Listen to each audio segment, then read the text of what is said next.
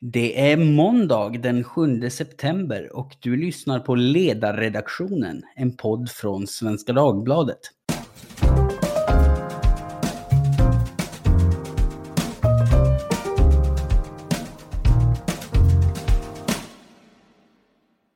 Jag heter Jesper Sandström och idag ska vi diskutera ett ämne som har väckt stor uppmärksamhet i media de senaste veckorna, nämligen porr. Såväl Aftonbladet som vår egen tidning, Svenska Dagbladet, publicerade i förra veckan ett antal artiklar som fokuserade på hur nätporren på olika sätt skadar unga människor. Eh, Svenska Dagbladet skrev om en barnmorska som i sociala medier hävdat att mängder av unga kvinnor sökt hjälp hos henne för underlivsskador på grund av hårdhänt sex med just då porrskadade killar. Och båda tidningarna Svenska Dagbladet och Aftonbladet har också lyft fram två unga killar som har gjort en YouTube-dokumentär om hur män blir porrskadade i allt tidigare ålder. Där framförs dramatiska påståenden om att Viagra skrivs ut till pojkar så unga som tio och att pojkarna i samma ålder börjar titta på våldsporr. Men den här verklighetsbeskrivningen har mött kritik. Min kollega Lydia Wåhlsten nämner i morgondagens tidning en barnmorska i Örnsköldsvik som inte alls känner igen sig i den här bilden, trots att hon har varit verksam i yrket i snart 20 års tid. Många andra barnmorskor, sexologer, läkare och sexualpolitiska debattörer har fört fram liknande kritik. Så hur ser det egentligen ut då? Eh, är det så att vi får ett allt mer porrskadat samhälle där folk inte törs säga ifrån eftersom de inte vill framstå som stela moraltanter? Eller finns det en risk att larmen är överdrivna? Med mig för att diskutera detta har jag Elin Gam, läkare och expert inom sexualmedicin. Lina Persdotter Isaksson, barnmorska verksam hos RFSU som har debatterat frågan både i tv och i sociala medier samt Myra Åbäck Örman, sexualpolitisk debattör som idag har en text i ämnet i tidningen Arbetet. Och Myra, om vi börjar med dig. Rubriken på din text är Mediernas okritiska porralarmism skadar debatten. Vad menar du med det? Vad, vad är problemet här?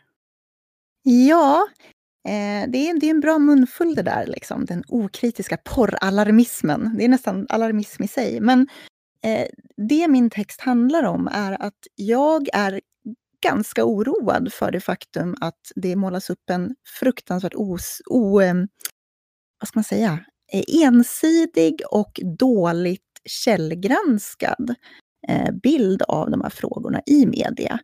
Eh, som bekant så är ju frågor som rör sex och särskilt porr, allting som är lite syndigt och lite förbjudet och sådär, är ju väldigt, väldigt tacksamt att skriva om. Det vet ju jag som skriver mycket om porr själv.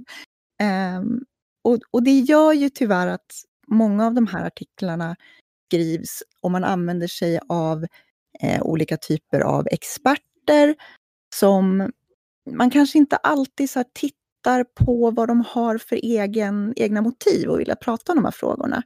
Eh, och jag tycker att det är lite farligt, för att dels så visar vi en väldigt ensidig bild av en fråga som är fruktansvärt komplex. Och eh, dels så, i och med att den här bilden är så tydligt ensidig, så börjar ju folk tro att det här, det här stämmer. Det är precis så här att mängder av unga kvinnor kommer in med underlivsskador på grund av porren. Och det i sin tur gör då att när andra barnmorskor till exempel går ut och pratar och ifrågasätter det här, så utsätts de för väldigt, väldigt hård, orimligt hård eh, backlash från omgivningen Eh, och anklagas för saker som är helt, i mina ögon, helt galna. Eh, som att man skulle till exempel vara helt okritisk mot porr eller att man eh, på något sätt springer porrindustrins ärenden. Alltså man tillskrivs en massa ganska illasinnade eh, motiv själv. Um, och då tystar man ju väldigt många människor som har en mer sansad inställning. Och det generellt skadar ju debatten oavsett ämne, tänker jag. Mm, mm, ja, jag förstår. Jo, det, det, är ett känsligt ämne och som du säger, debatten har ju en tendens att bli ganska svartvit. Alltså, om du inte instämmer i larmen, ja men då kan du misstänkliggöras för att inte alls bry dig om ungas sexuella hälsa. Liksom, och, och vilja ta lättvindigt på det här och tycka att nej, men lite porr har väl ingen dött av. Eh, men eh, Elin, du jobbar ju på en mottagning för unga män som bland annat lider av sexuell problematik. Och när vi pratade inför den här podden så verkade du vara inne på ungefär samma linje som Myra. Det här att alarmismen inte hjälper någon. Och du vänder dig också emot det du ser som en barnslig och förenklad nivå i debatten. Varför är du kritisk? Ja, det jag menade med barnslig var nog e- egentligen att jag tycker att det finns en juvenism i det här debatt. Att man, att man betraktar unga människor som inte är tillräckligt kapabla att tänka själva och veta vad de gör. Det var det mm. jag menade. Ja, ja, ja. Eh, sen tycker jag det här eh, att jag är kritisk för att jag vet inte vad pratar man om egentligen. Liksom, för det första, vad menar man när man säger porr? Mm. Det är det första. Och sen det andra är eh, pratar vi om de som, vi pratar om de som tittar på porr, tror jag. Men sen så eh, blandar man lätt in de som, eh, hur, hur, branschen ser ut, hur de mår som eh, jobbar i den här branschen och sen så ibland så buntas också porr ihop med prostitution på ett sätt som blir lite onyanserat. Man, ja, inte ens bara porr kan man säga, tycker jag, utan att definiera vad man menar. Nej, Nej, jag förstår. Så du, du, du vänder dig emot att man definierar liksom inte vad man pratar om, utan man vevar mot porr som någon slags eh, samlingsnamn för allt ont man kan koppla till sex och sexualitet. Ja, precis. Plus att jag då, alltså i mitt jobb där jag som sagt träffar unga män, de har, jag träffar män som har också smärtor i samband med sex och som Eh, man måste också komma ihåg att alla tittar inte jättemycket på det som man kallar för porr heller. Eh, det kan verka som att alla gör det. Eh, jag träffar också jätte... Alltså de jag träffar är ansvarstagande i sina relationer, även relationer med kvinnor då. Så att det, det blir lite ensidigt när man läser om att eh, kvinnor blir så svårt skadade som om det var något som endast gällde kvinnor och att män är, män är hårda och kvinnor är mjuka på något sätt. Det, det stämmer inte, tycker jag. Plus att jag, det finns ju en viss forskning. Det finns inte tillräckligt mycket förstås, men den forskning som finns måste man ju ändå lyfta fram. Och där finns ju inte något stöd för att det är någon katastrof. Nej, nej precis. Det är, det är väl just den kritiken som har kommit från, från många håll. Att den här, den här bilden av en pågående katastrof och att det skulle ha blivit radikalt mycket värre på, på senare år och, och radikalt mycket värre just då i och med internetporrens intåg. Den, den har inte stöd i, i den forskning som nu finns. Är, är det Nej, det, och där kan man ju titta på filmforskning till exempel eh, som visar att eh, porren idag inte är mer våldsam än det som kallades för porr på 70-talet till exempel. Eh, sen har man också sett att eh, när eh, när det handlar om en våldssituation, i sexuell eller inte, så är det så att då vet man att tittaren identifierar sig med offret, oavsett om det är man eller kvinna som tittar eller som är offer, så, eh, så är det något mänskligt att identifiera sig med den som är offer i en sån, om vi nu ska prata våld liksom. Mm. Så, så, så, så det skulle inte stämma liksom att, att folk blir avtrubbade av en, en tilltagande våldsamhet i den media som finns. Det finns inget stöd för... Nej, men det finns ju inget stöd för att det är så. Sen kan man ju inte, alltså individer kan ju alltid vittna om sånt själva förstås. Ja, ja, Men vi får hålla oss lite till vetenskap tycker jag, vi som jobbar med det här. Ted Bundy gick ju, ganska känt, sådär, precis innan han skulle avrättas, Ted Bundy då, som var sexualmördare, så att säga, seriemördare, gick ut och skyllde på att han hade tittat på BDSM-porr sådär precis innan han skulle avrättas, för då hade någon präst kommit till honom och skulle få honom att bikta. Eh, och, och, det där har ju liksom använts som argument samtidigt som man vet att ja, det man hittade bland annat i Ted Bundys bil när han åkte fast var en broschyr med bilder på cheerleaders som han hade tagit från någon skola eller sådär. Så att det kanske var liksom, han, det kanske, problemet kom nog innan våldsporren så att säga någonstans. Ehm, och vill man begå våld och har man den typen av uppsättning i hjärnan så att säga så kan man nog Man ser nog det man vill se, oavsett om man har våldsporr eller inte. Ja, precis. Det blir, väl, det blir väl lite så. Och det blir en tacksam syndabock. Liksom. Det, det är lite som den eh, liksom videovåldet på 80 och 90-tal. Eller våldsam hårdrock för den delen. Eh, Sivert Öholms famösa VASP-intervju till exempel är väl lite på samma tema. Mm.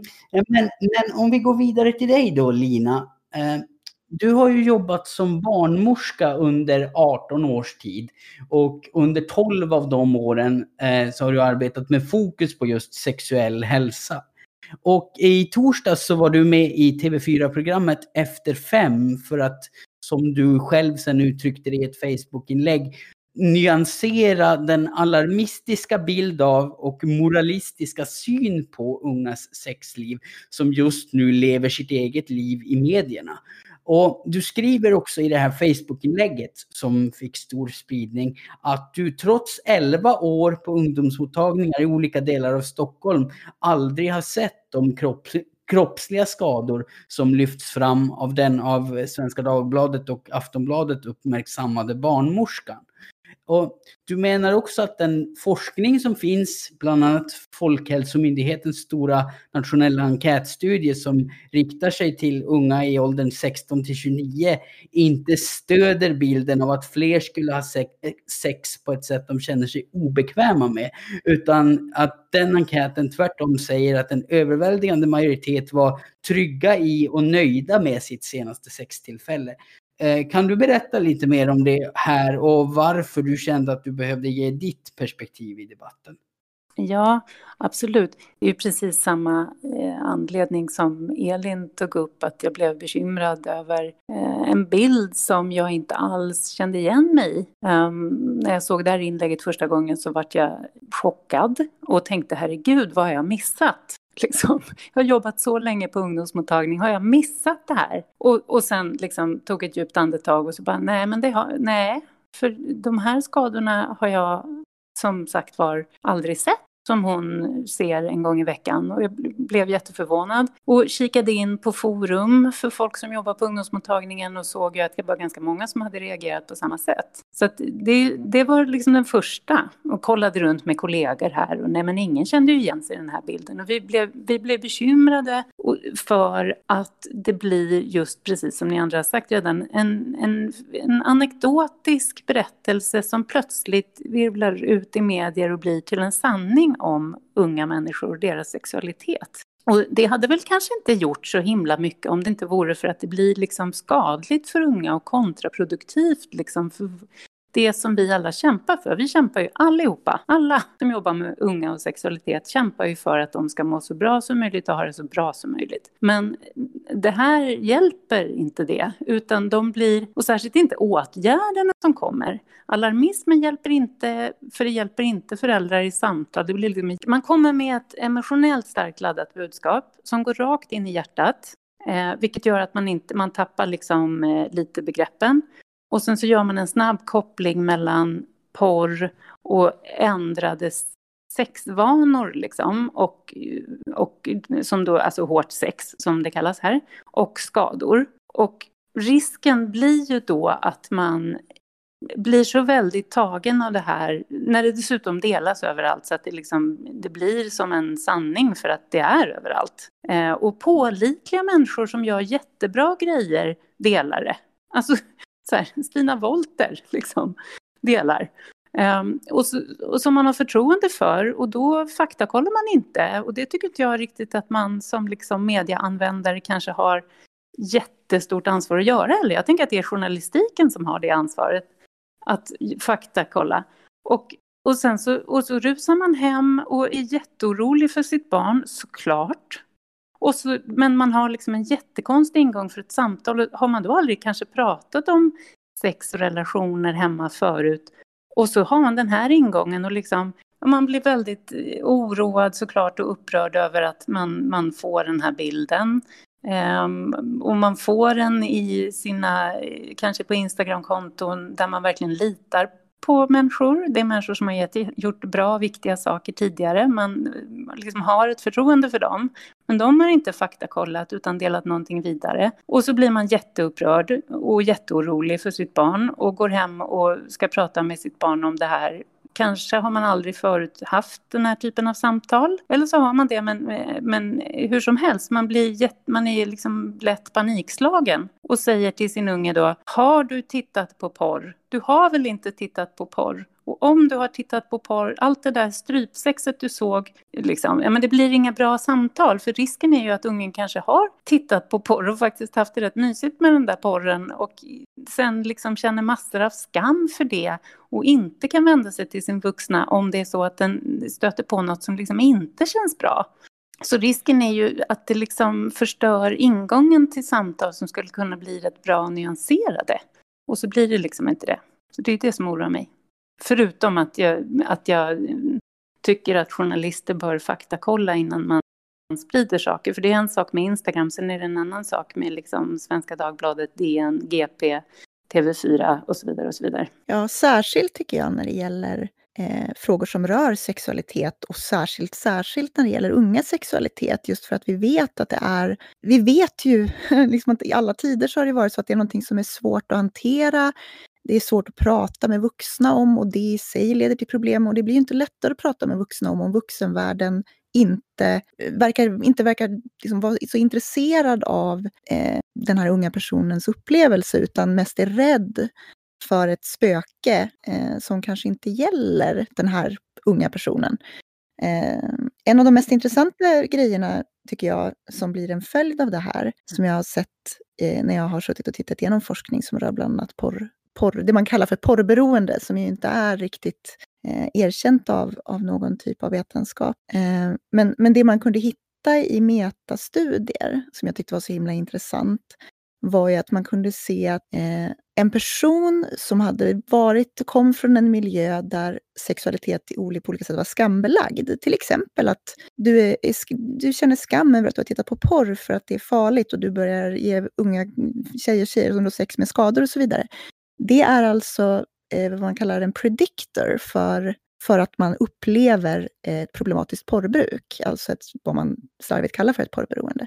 Så att människor som uppger att de, att de har problem med sitt bruk av porr eller sin konsumtion av porr eh, har nästan alltid den här typen av bakgrund där de skäms för sin sexualitet i någon mån. Så att egentligen det man gör är att man skapar fler porrberoende Eh, genom att prata om hur farligt det är med porrberoende. Jag förstår att det blir, liksom en, eh, det blir en sorts, sorts ond cirkel av det på något vis. Ja, men precis. Man, man, man vill hjälpa unga, man, man, man vill liksom säkerställa att alla unga ska ha en, en trygg och säker sexualitet. Men i, genom att dra till med överdrifter i debatten så riskerar man att driva människor längre ifrån det och göra att vuxna har ännu svårare att prata med unga människor om de här frågorna. Är det en rimlig sammanfattning?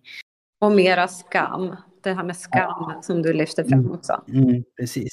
Och eh, jag menar, ni verkar ju vara ganska samstämmiga i den bilden av att det här uppskruvade tonläget och de klickvänliga rubrikerna kommer i vägen för en sansad debatt och blir ett hinder för att faktiskt hjälpa människor. Så att, vad behöver förändras? Hur borde den här debatten se ut istället? Hur, hur ska vi göra när vi pratar om de här frågorna? Om, om jag tar dig först Lina. Ja, menar du i media eller menar du hemma på kammaren? Ja, ja, ja, ja egentligen, egentligen både och. Därför att ja. här får väl föräldrarna hemma på kammaren, de får ju liksom kanske en, en ett dramatiskt förhållningssätt till det här. Mm. De, de, mm. de rusar till sina unga och bara, nej men herregud, inte tittar du väl på sånt här?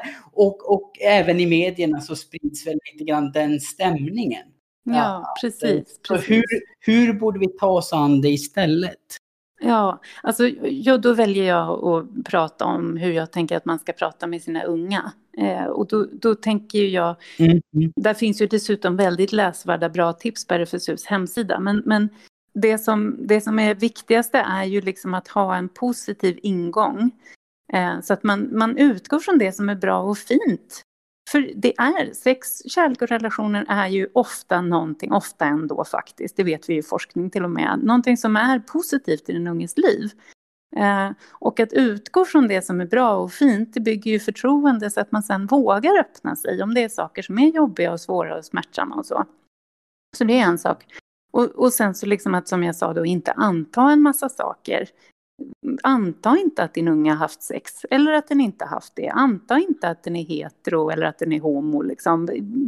Vilken sorts porr den tittar på eller inte tittar på. Exakt, mm. precis. Lyssna in, nyansera, ställ öppna nyfikna frågor, visa att du vill veta. Eh, ja, eh, Elin, om, om du fick önska förändring i hur den här frågan hanterades, vad, vad skulle du önska dig då? Mer prat om samtycke. Ja. Alltså för det är ju mycket mindre komplicerat också. Pratar man om samtycke, alla inblandade ska vara med, alltså vuxna människor då, inblandade, är med på det, då är det väldigt mycket som är okej. Okay. Och, då, och människor är så olika, alltså variationen också, det här med normalt, det är liksom ingenting som, ska vara, som måste vara normalt eller på ett särskilt sätt. Den här variationen som finns måste man tänka på. En del, en del är jätteintresserade, en del är väldigt ointresserade. Och allt däremellan. Och exakt, den här, alltså man får inte vara för fixerad vid vad andra människor har för praktiskt sex. Om, om man inte är intresserad på ett positivt sätt alltså. Eh, man ska inte lägga sig i det så länge alla är med på det. Så samtycke, det är ju inte alls lika kontroversiellt heller att prata om samtycke. Så det kanske blir inte samma eh, fräsiga rubriker, jag vet inte. Men det är i alla fall det, det är det som folk, det kommer hjälpa människor tror jag, mer. Om det är det man vill göra. Mm, mm. Mindre prat om liksom färre dramatiska rubriker kring eh, vissa sexuella praktiker och, och mer prat om att faktiskt ha sex på ett sunt sätt och ha ett liksom, ja, men sunt och samtyckesbetonat förhållningssätt till.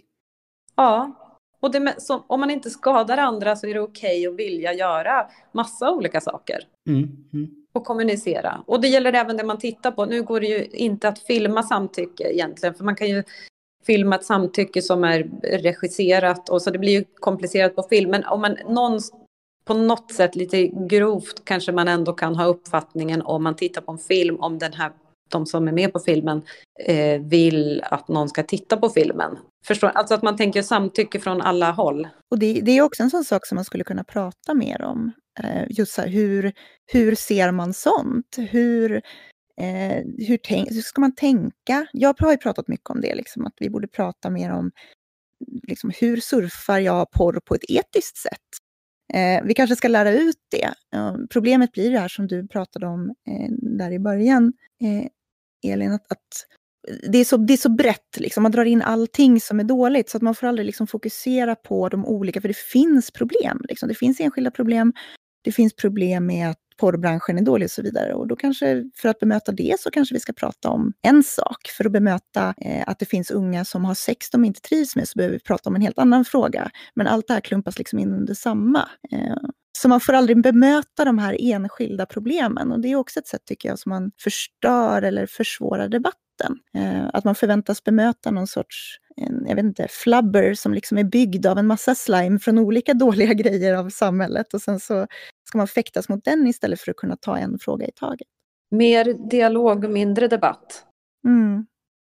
Ja, men eh, det, det, låter ju, det låter ju som en rimlig ingång. Eh, vi, vi får hoppas på att vi kan röra oss i den riktningen kanske. För att ni verkar alla tre ganska samstämmiga i att människor som här vill hjälpa och göra gott riskerar att på grund av hur de beter sig istället ställa till en värre situation för unga. Och göra att de får det svårare att prata om sin sexualitet och, och få hjälp med de problem som faktiskt finns. Ja, jag tror man måste tänka liksom, vem, när man gör någonting så får man tänka, vem, vem hjälper det här? Ja. Ja, precis. Om, om ni fick skicka med ett önskemål till eh, journalister som skriver om de här ämnena, om porr, sex och sexualitet, vad skulle det då vara? Om vi börjar med dig Myra, du som hade just en mediekritisk eh, utgångspunkt. Ja, alltså jag skulle väl kanske önska att att journalister gjorde det som jag tyckte var ganska självklart att göra när jag reagerade väldigt starkt. För jag reagerade ju väldigt starkt på den här debatten och därför jag började ge mig in i den, fast åt andra hållet. Så att jag reagerade och tänkte, nej men vänta, det här låter ju helt galet. Ehm, och det jag gjorde då var att jag gick in och tittade på vad är det för källa på det här påståendet de gör, om till exempel att porren har förändrats till så mycket mer våldsporr idag än vad det var tidigare. Och jag sa, okej, okay, vad är källan? Och så hittade jag en källa som var en studie och då gick jag in och letade upp den studien och så läste jag den studien i sin helhet och så sa jag att nej men vänta nu, så här säger den ju inte alls. Det tycker jag borde vara en, en, en ganska, ganska naturligt förhållningssätt till information som man reagerar väldigt starkt på. För vi vet att när vi reagerar väldigt starkt på någonting så är det antingen väldigt lätt att vi avfärdar saker som är sanna eller att vi okritiskt accepterar dem. Um, och som journalist tycker jag att det är, ditt, det är ditt jävla arbete att faktiskt tänka på, när jag lyfter en person som en trovärdig källa, så ska jag veta att det här är en trovärdig källa. Jag ska veta, finns det någonting i den här personens eh, historia, i deras omständigheter eller bakgrund som jag behöver vara öppen med för att folk ska förstå eh, hur de ska tolka informationen. Det tycker inte jag att man gör. Det är oansvarig eh, journalistik som jag ser det. Mm, mm, jag förstår. Eh, Lina, om du får skicka ett önskemål till journalister som skriver i de här ämnena, vad, vad skulle du önska dig då? Men det är precis samma sak som det Myra just sa, faktakolla. Ja. Faktakolla. Ja, en, en, enkelt, kort, kort och kärnfullt. kort och kärnfullt. Jajamän. Eh, och Elin, har, har du några ytterligare synpunkter? Nej, men jag instämmer där. Och så tänker jag på eh, absolut det som eh, det, det, vetenskapliga perspektivet. Såklart. Eh, sen så när det handlar om ålder, jag tycker här, när, eftersom det handlar om just unga så stör jag mig jättemycket på det här åldersdiskrimineringen, att man tror att unga är på ett särskilt sätt. Och, ja, jag tror att man måste lyssna mycket på unga. Eh, och sen eftersom jag jobbar med manshälsa och andrologi så tycker jag att det kunde handla mer om eh, manshälsofrågor och mäns problem eh, förhållande till eh, sex och sexualitet också. För, men det är inte sagt att jag tycker att vi har ett jämställt samhälle eller så. Det är inte det jag menar. Men ja, Nej, men... men, men Önskelista. Men, ja, ja, precis. För, för att uh, oavsett, oavsett vad man annat tycker om jämställdhetsfrågor så, så kan det väl bli en smal diskussion det här. Det blir som, att, ja. som om det vore endast en kvinnofråga. Trots att, trots att det handlar om problem som finns för både kvinnor och män. Och, ja, en, en, en fråga som självklart berör både kvinnor och män. Ja, äh, är det någonting ni känner att ni vill tillägga innan vi rundar av? Nej, jag känner Nej. väl att vi, tydligare så här kan vi nog inte vara. Nej. Um, Glädje över att du tar upp denna fråga. Ja, ja. Eh, ja men då, då hoppas vi på att förslagen som har förts fram här eh, får genomslag i debatten och att det kanske blir mindre debatt överhuvudtaget och mer dialog istället. Eh, så att eh, vi kan nå det som vi väl allihopa egentligen önskar oss. Att unga och människor i största allmänhet ska kunna ha en trygg och trevlig sexualitet oavsett hur den då tar sig uttryck. Och med den lilla sammanfattningen så säger jag stort tack till Myra Åbäck Örman, sexualpolitisk debattör, Lina Persdotter Isaksson, barnmorska hos RFSU och Elin Gam, läkare och expert inom sexualmedicin. Tack för att ni har lyssnat och hör gärna av er med tips och reflektioner till ledarsidan svd.se.